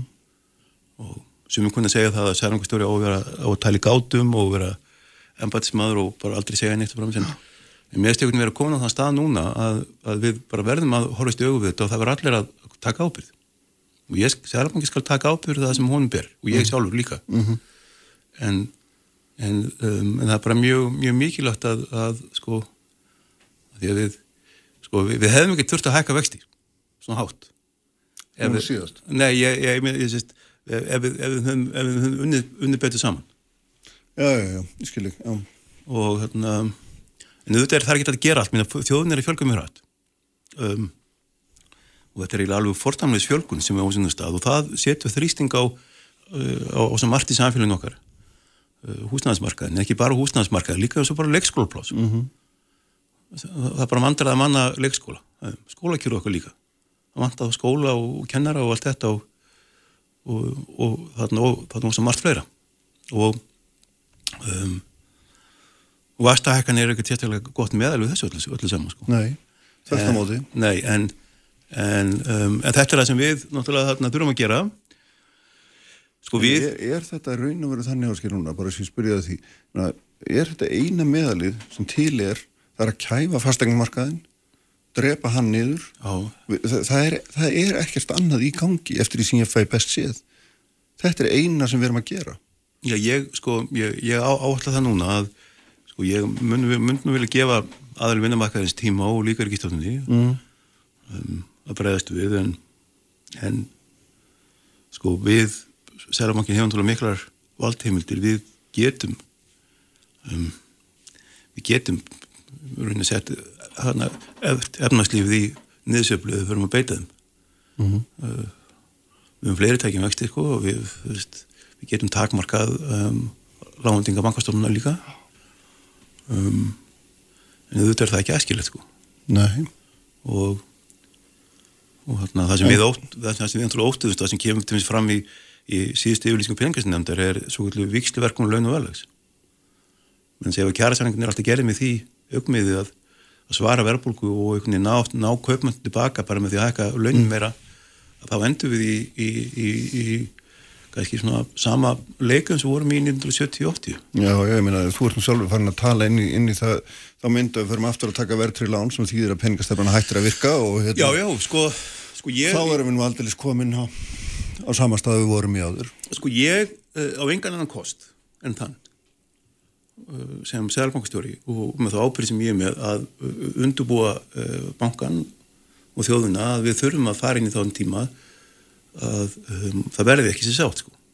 að það verði áfram hörungalöp verkvöld og, mm -hmm. og svo framvis og og, og hérna, þá þá eru náttúrulega verðurlónu koma aftur og, og við náttúrulega erum raunin búin að um, afnema um, takmörk á því að bankastöfnum getur tekið inn verðurleginum sem fylgur því sér að það er gætið núna hæglega endurfjármagnaði húsnæðislánin í í þarna með þarna verðtrið fjármagn uh -huh. ef það verið málið og við höfum líka að því fjármagnstöruga nefnd fundaði síðustu viku og þar eru við búin að vera reyna að, reyna að leggja línaði bankana það er að bregðast við og horfi greiðslubyrði mm.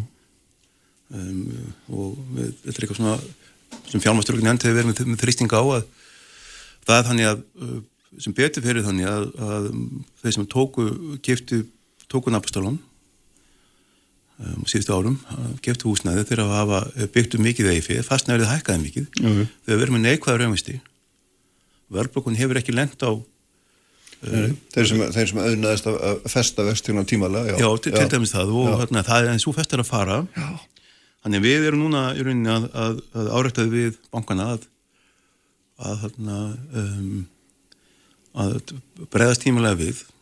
Og við líka við fólk sko sko, að panta tíma hjá ráðgjaf og fara yfir fjármúlin mm -hmm. þannig, sko hvað sé hægt að gera? Að því að ég, sem ég bara segja það að, að þetta er bara allt ég, við eigum engan annan kostöldun að undurbúa þjóðina og undurbúa uh, fjármálkerfið og allt það ef, ef, ef, þetta fer á vestaveg við náum ekki sátt mm -hmm. uh, í þessu ef að launahækkunum verður svarað, nei afsakið verðbúkunum verður svarað með launahækkunum og, og þetta verða uh, þá, þá, þá, þá þurfum við að, að gera það eins að, mm -hmm. eins að þarna, En hvað með, uh, með tillögur ríkistjórnarinn þessar nýjastu? Hérna Ég, ég held að það er Neini, þær, þær eru ágættar en, en hvað?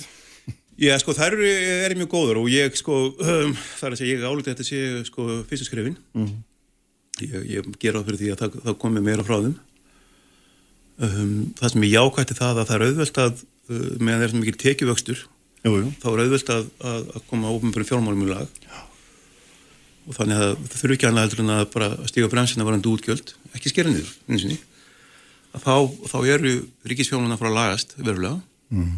og þannig ég bara vænti þess að þau uh, Eh, náttúrulega leggja sér þetta mörgum og, og við, við sjáum, sjáum það núna eftir núna, núna með, með östin sko. Þrátt fyrir þennan tekiauka þá er ríkinu nöðsin að skera niður já, í, já. Í, í, og nú er ég að tala um raunverulega niður sko ekki bara hlutfallslegan miða við tekiaukningu, sko, er, er, er ekki skiljið ekki rétt þannig? Alltaf að sko sko það, sko er eftir ríkið að skera niður þegar að því að sko líka um nefnsnefnið að því að launakostnæri er andrulega hæsti hætti kostnælun fyrir, mm. fyrir eitthvað mikið þjónsta sem að mikið með sko. Svo eru svona hlutin eins og það að um, sveitafjörun eru, eru, eru van, van, van fjármagnuð sem dæmi. En sko um, en það sem á svo, það sem heldur það mætti líka velta fyrir sér að í ofnbæri rektir hvað við erum að fá fyrir peningin af því að þú veist útgjöld er ekki sjálfkrafa uh, árangur eða nei og það, og það er kannski það sem við þurfum líka að hugsa um sko. mm -hmm. ég, við verðum með eitthvað litið að fara að gera meiri þannig að árangusgröður sko.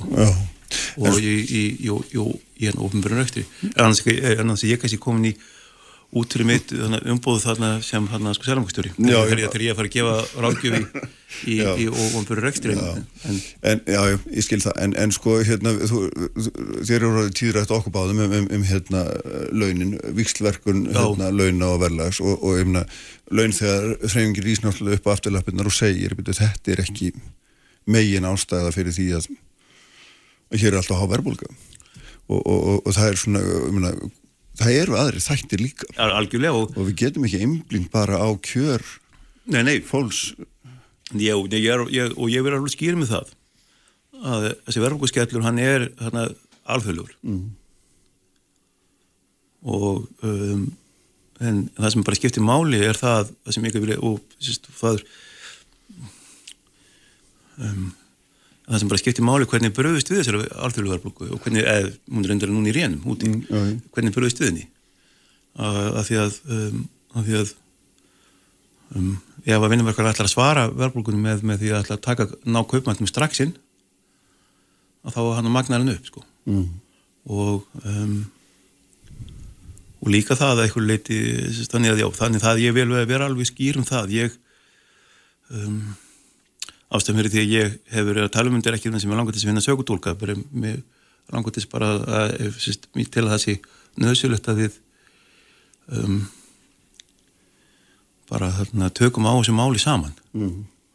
og, og áttum okkur líka því að það eru fleiri hagsmunni, fleiri launþægaldir en bara launin sjálf, og vextinir En nú eru þetta í gangi og hefur verið um einhver ára skeið, eitthvað svona samráðsvettvangur milli stjórnvalda og þessar frægu aðila vinnumarka en ég veit ekki hvort að þið eru það líka. Jú, ég veit um það líka. er, Já, en mitt og svo er fjármála hérna, ráð og stöðuleika ráð og guðum að vita hvað er ekki til já, að alls konar apparöldum sem eiga samræma aðgerðir og og tengja saman þekkingu og, og, og hérna, talna grunna og hvað áttu eða við þurfum við þurfum að fara að tala saman? Að því að e, hvað já, er, skal, er þetta fólk að gera? Eða er ekki að því? Já það eru rétt og það, það sko, þjóð, þjóðasaráð sem kallaði það sem að Sælabanki setur líka með aðaluginu markaði eins og sveitafjölugunum og ríkistjóninni en sko, ég er bara segja það sko, það er um, eitt vandi að, að því nú aftur ég þekki í verklæðsjáninguna allavega vissu, vissu kom, kom einhver ár sem ég var að vinna þar en, en ég tekki annan struktúr og, mm. og það sem hefur gerst kannski núna er það að ASI sem er þessi saminninga vettfangur þannig að blöndþjóða og ASI var orðið bara mjög öflugt, það var komið sín einn hagbild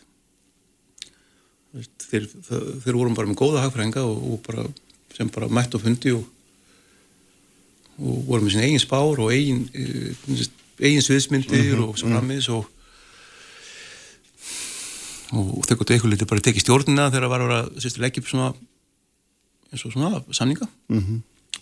en það sem er gert í það að þetta er allt sem að farið sko og það sem gerist þarna um, var það að ASI var uh, og í þessu þjóðsræði ASI sittur þarna en, en, en eins og hún drífa snædal sem að frá maður að sí, hún var eiginlega hálf umbóðslös mm -hmm. ef, ef við skiljum hvað við ja. um, núna held ég að, að veist, ég held að, að ég er mjög ánaður að sjá það að, að það verist vera sátt um það að efla að síðan nýjanleik mm. og það er bara mjög mikilvægt að sko að það er mjög erfitt að eiga samtali um þjóðaslega málumni við verklæðsjálfingun nema þó í um, við ASI, við, við samningavettangi sem mm. þau eru með mm og, og, og þetta er bara sem ég er að segja er, sem allir vita sko. mm -hmm. og og þess vegna er, er, mjög, það er mjög eðlilegt sko að einstaklega aldrei fyrir að sér minn sínu laun og sérkjóru og svo framins en þeir eru að tala um sko, sko þjóðaslega málumni hildarhagsmunni kervisins þá verður að vera saminninguættangur það sem að, það sem að, það sem að þessi og, ólíkur hlutar vinnumarkarins koma saman það er þannig að yðnaðamenn, mm. skrifstofumenn verkamenn eða verkafólk mm -hmm. og verðum að gæta þess að segja segi ekki menn Já. lengur og hérna komið saman mm og hérna og hérna og það er eitthvað sem, að, sem, að, sem við þurfum að gera og hérna og svo þú veist ég um, og þegar ég byrjaði sem selangstjóri þá hérna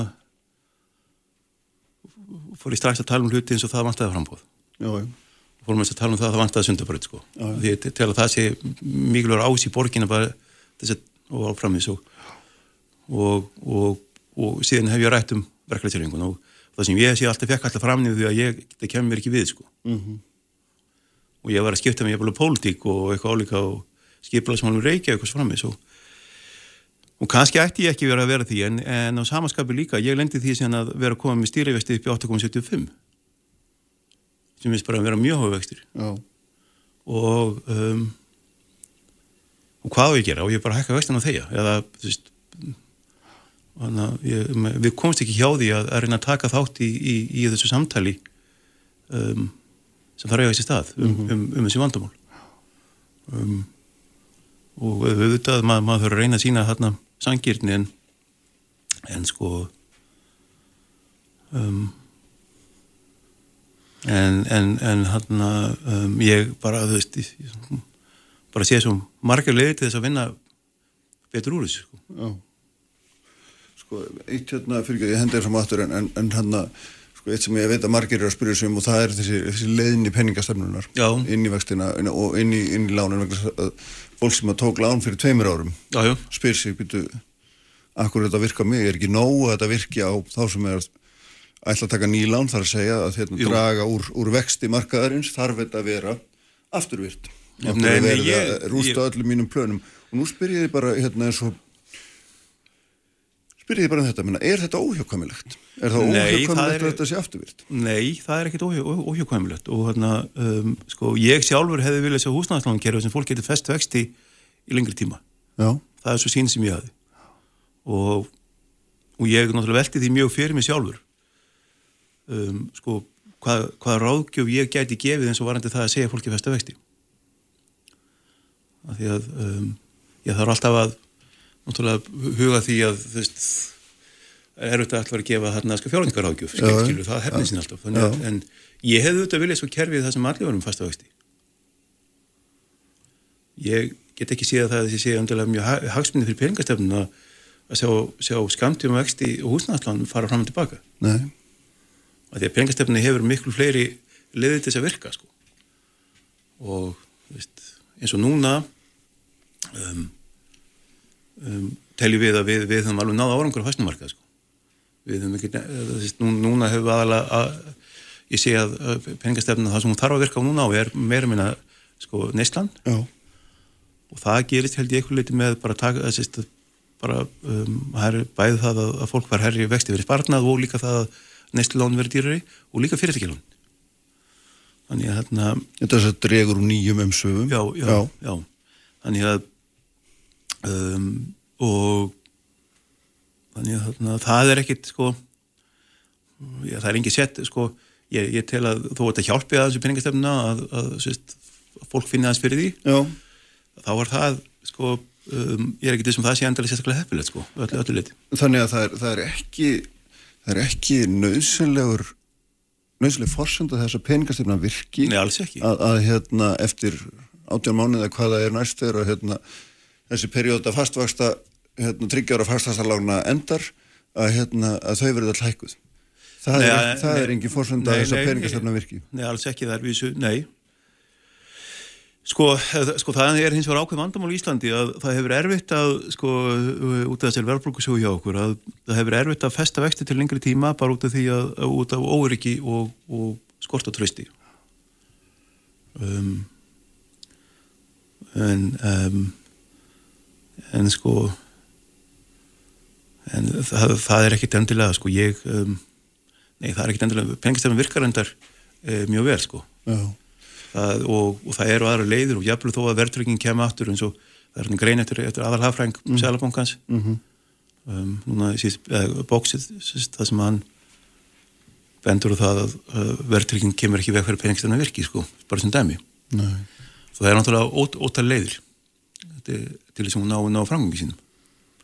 Og hann að sko það sem að ég, ég ætla bara að segja það sko, að því að, að ég sko það sem ég held sjálfur ég held eins og að einhvern veginn að napastalánin myndi breyta einhvern veginn þarna sko, dýnamíkinni á Íslandi. Já, ég held að þá einhvern veginn væri alveg skýri hagsmunir fyrir, fyrir, aðal, fyrir verklagsfjörðin aðal vinnumarkaðins að, að þetta væri þá komið alveg sko val um það að þú getur stilt annars á launum og eins og vöxtum mm -hmm.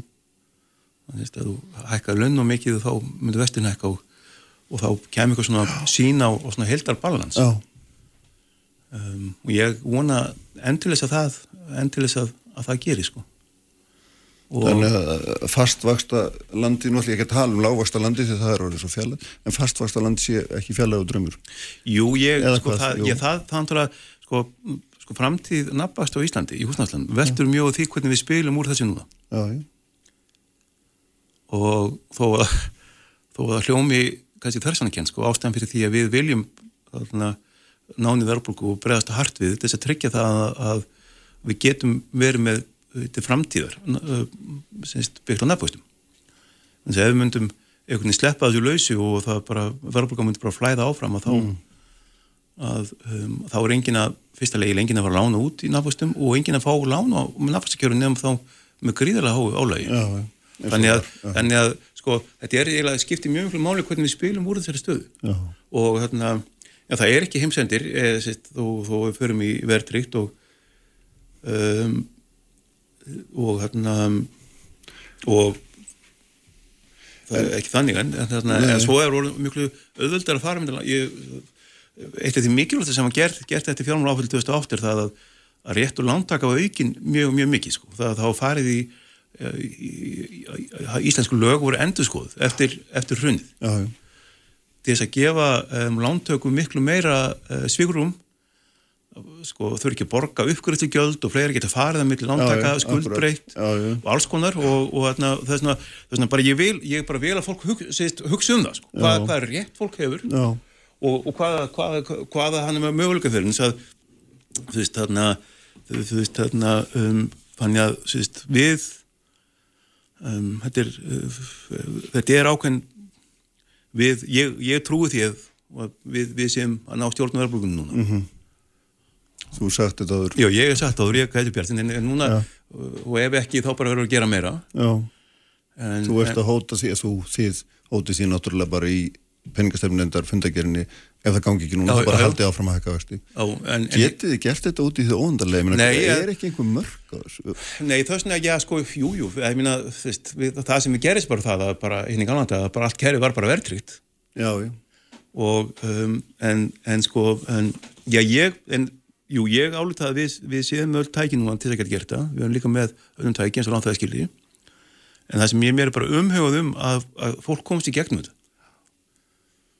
Við séum ekki að sjá, uh, þarna, þarna, þarna, fólk eða Uh, þess vegna er þetta sem við áður að, að, að, þrýst á bankana varandi það að breyðast við Já, þarna En- grei, greiðslubyrði. Já, ég veit að við erum dróðið alltaf langt hjá okkur og ég þarf að taka annefni en hérna eitt í viðbót samt á Já. því vegna það er þegar þú talar um að þrýsta bankana þá náttúrulega líka og við erum múin að tala um forsendur þessar peningastefna virki Já. en ef að það er ekki, er ekki forsenda að allir vextir hækki afturvirt Já. eða á, á öll breyðli lán, lungu tekin af hverju eru bankarnir þá svona snöggir að hækka vexti þegar hérna á, á sko eldri breyðli lán þú veist, þeir eru, þú ert valla búin að sko skella hurðinni að fundinum þegar þeir eru komnir og búnir að hækka Já, já, það er einhverju, Geta þeir, er þetta óhjákvæmilegt?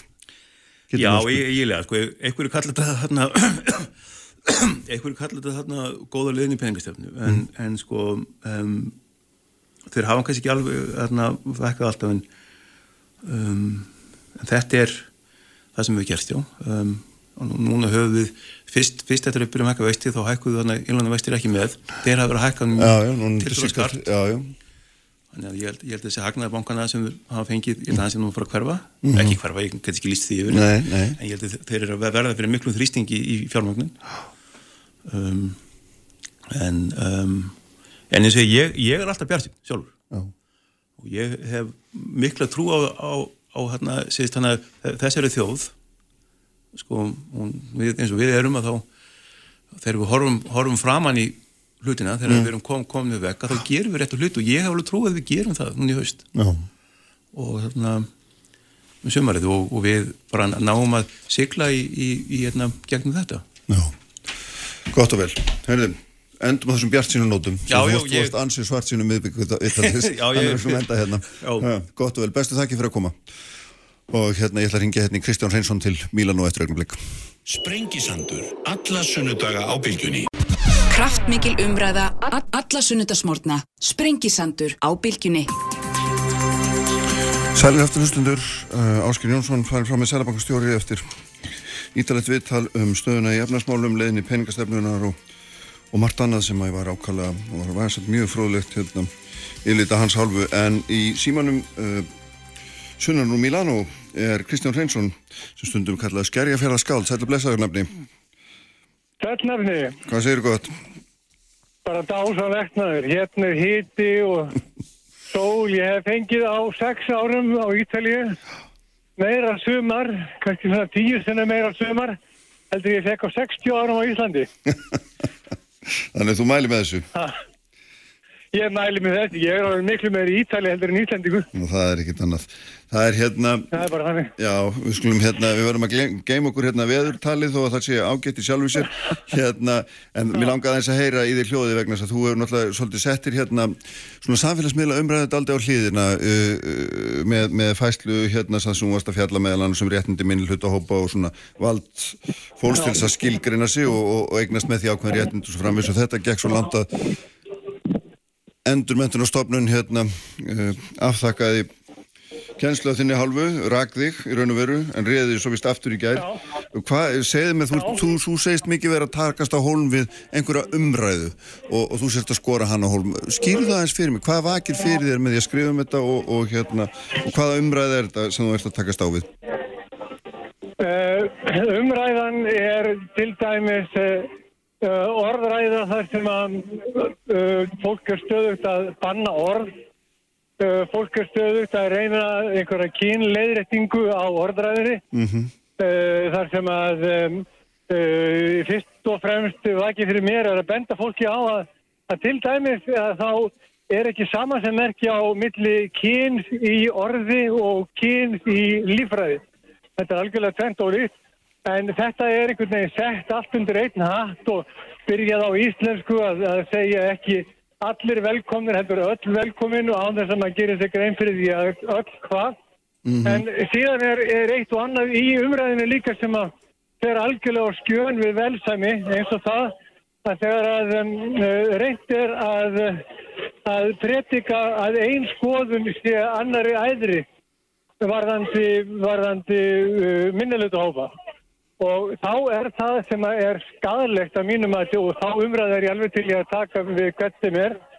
Þá er skadalegt að segja að einhver hópur sé sérstakari heldur en einhver annar. Ég geng út frá því að við séum öll sérstök, við séum öll í raunavöru hins einn og að enginn geti í krafti einhverjar neyðar eða einhverjar uh, upplifunar ákveðið að hann sé sérstakar heldur en einhver annar.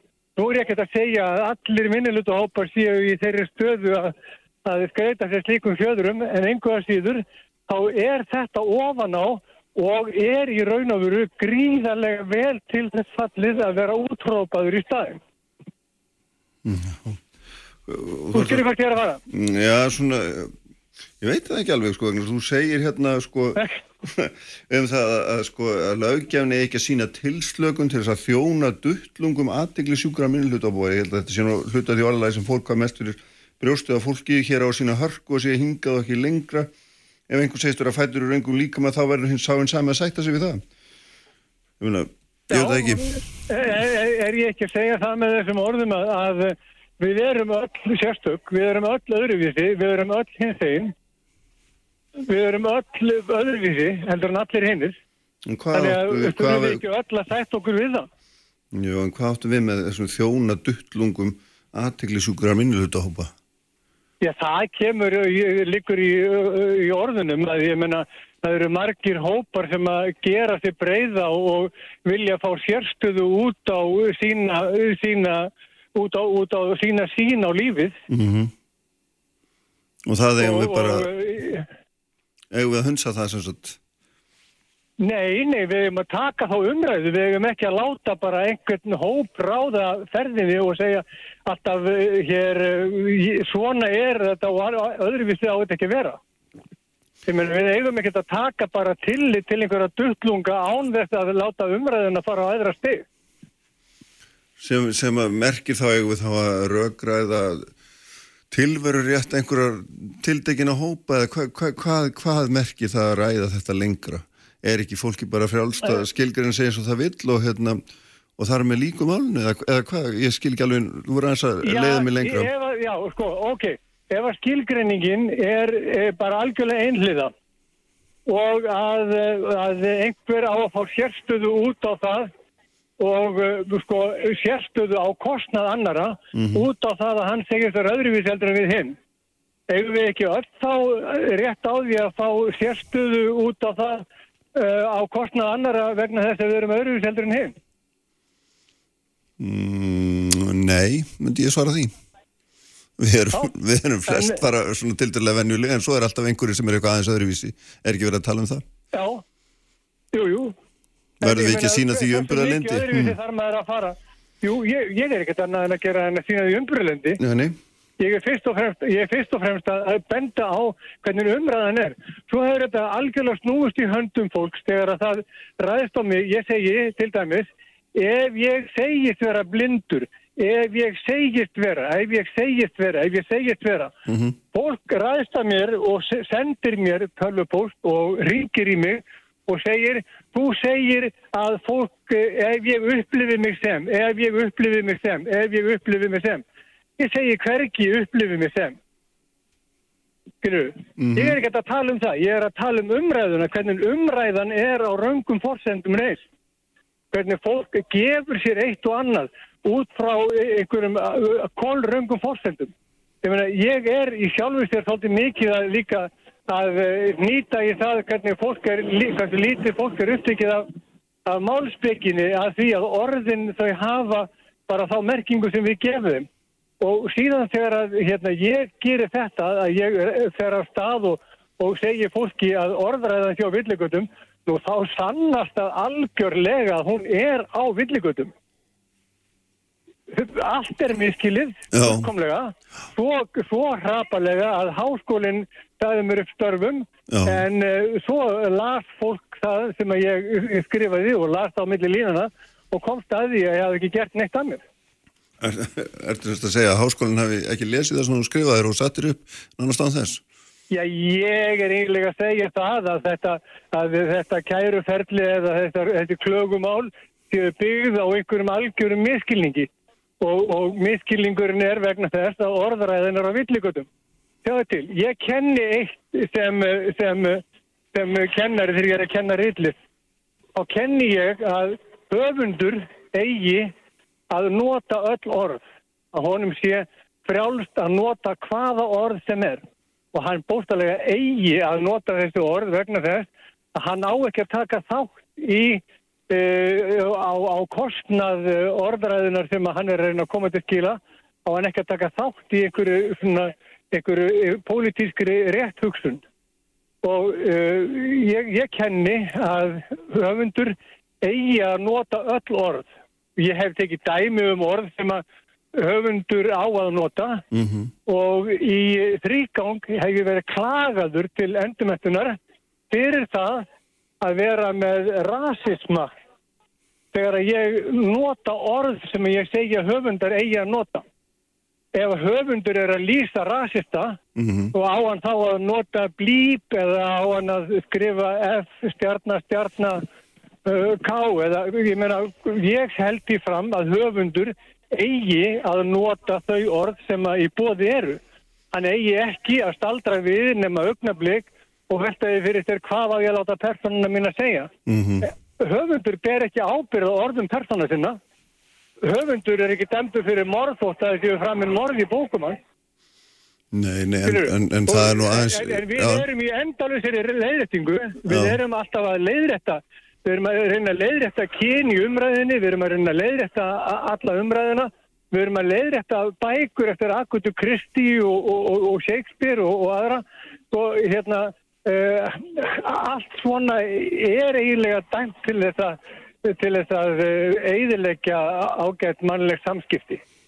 Þetta er ekki rétta leið, þetta getur ekki verið rétta leiðin að ráðast að orðræðinu og reyna að eyða henni og láta líta út eins við séum öll með söma, sömu hugsanir í gangi. Meina, þá erum við komin þangað sem George Orwell varaði við. en, en fælst ekki á á það enga síður að, að, að menn geti þurft að sína nærgetni í orðavali og hérna, því hvernig þeir, þeir hérna, hvernig setja fram sitt mál þegar að fjalla er um, um fólk í, í viðkamri stöðum? Auðvitað. En, það, ég meina, En finnst þér þessar setningar sem ég las upp lýsa, lýsa þeirri ástöðu? Ég, ég held það. Ég held að ég, ég er náttúrulega fæ aðtikli út af það að, að, að grípa svona til orða en ég hef ekki meitt neitt. Jú, ég, ég held, Ég ég held nefnilega að þú hafið gert það, mér, mér sýnist það, það Já, hafi en nefnilega ansir, já, ansi en- margir hérna orði, ansi sárir og, og, og það hérna, Já, já, en ekki var það meining mín að meiða neitt. nei, Það er alveg á hreinu. Ég enda líka, ég meina, ég tilgreini enga sérstakka minnuluta hópa. nei, nei, en, en hérna, þú talar samt mikið um fólk í raungum líkama og við vitum alveg í hvað átt það, það vísar, ekki satt. Þú Já, getur ekki, er þú getur ekki hafnað því að, þú getur ekki hafnað því. ég meina-. Ég, ég get alveg ekkert hafna því að við vitum í hvað átt að vísa. En einhver að síður þá tala ég hverki um transfólk en hef þó verið rekin fyrir, fyrir að hafa talað um það. Já, var það Skilurðu? skýringin, Og, og svo líka náttúrulega síðasta setningin eða síðustu setningarnar hjá mér eru þessi eðlis að, að fólk algjörlega rökk við og mistúlkaði algjörlega frá að til öð. já, en, va- varstu semst rekin beinlínis fyrir það að fjalla um transfólk án þess að þú nefndir það nokkur sinni og þú hafnar því að, það, að þetta vísi þannig að það sé, vísi þangað þannig að það hægt sé að festa hendur á. Ég fekk í raun og veru engar skýringar aðra en það er þegar ég var rekin að ég væri rekin á uh, forsendum uh, uh, mannlífsgreinarinnar sem að hafi komið. Já, sem er einhvers konar endurbyrting á, á, á því sem þú sjálfur skrifaðir, ekki satt? Já, þetta, það, það var, mér var tilkynnt um það. En þó þannig er Eh, það að en, það hafa eh, áður borist kvartanir vegna, vegna hérna, sviparamála. Já, það var allt öðrum toga og, og það var búið að ræða það og ég, ég meina, ég uh, stend algjörlega á því að ég vil ræða við nefndum mína um það hvort að, hvort að höfundur hafi rétt til að nota hvaða orð sem er eða ekki. Mm. Eh, Hérna, sko, ég meina, okkur eigum við að leiða þetta söguna. Er, er svona anakronismi, er, er hann til nokkurs annars uh, brúklegur en að virka sem uh, bóstalega fölsun? Ég veit það ekki, þarna, ég nýttur að forréttinda þurfi ekki að svara. Þarna, við þurfum að fara að ljúka þessu Já. Kristján en hérna, en síðan gerist það náttúrulega var ekki síðast í gær bara að, að réttur út sáttahönda hálfu endurmyndurastofnunar og hérna, og þú endur á þinn og líkur þá málunni þar þannig eða, eða hvernig, við höfum örfá sekundu bara til þess að ljúka þessum. Nei, nei, nei, nei. nei, Nei. Því líkur ekki þar. Nei, þannig að þú heldur Það- áfram það að sækja þinn rétt. í- Já, já, ég mun gera það. Ég hef ekki, ekki gert neitt að mér. Nei, akkurat. Heyrðum, þú veist það eru skipta skoðanum það, en hvað um það? Takk fyrir að vera með mér í dag. Skipta skoðanir eru einu skoðanarna sem er einhvers virði. Já, einmitt. Bestu kveðu til Mílanó, takk fyrir þetta. Eitt og takk. Lesaður, við verðum að láta sprengisandinum lokið í dag. Ívar Davíð Ívar Davíð Haldursson stýrði auðvitað útsendingu eins og hann gerir alltaf um, allt efni bilgjam.is, vísi.is, þetta sem þið finnir hlaðvarp og í Bilgju appinu sjálfsögðu svo ætlaðu að vera með ykkur hér aftur eftir viku. Verðið sæl.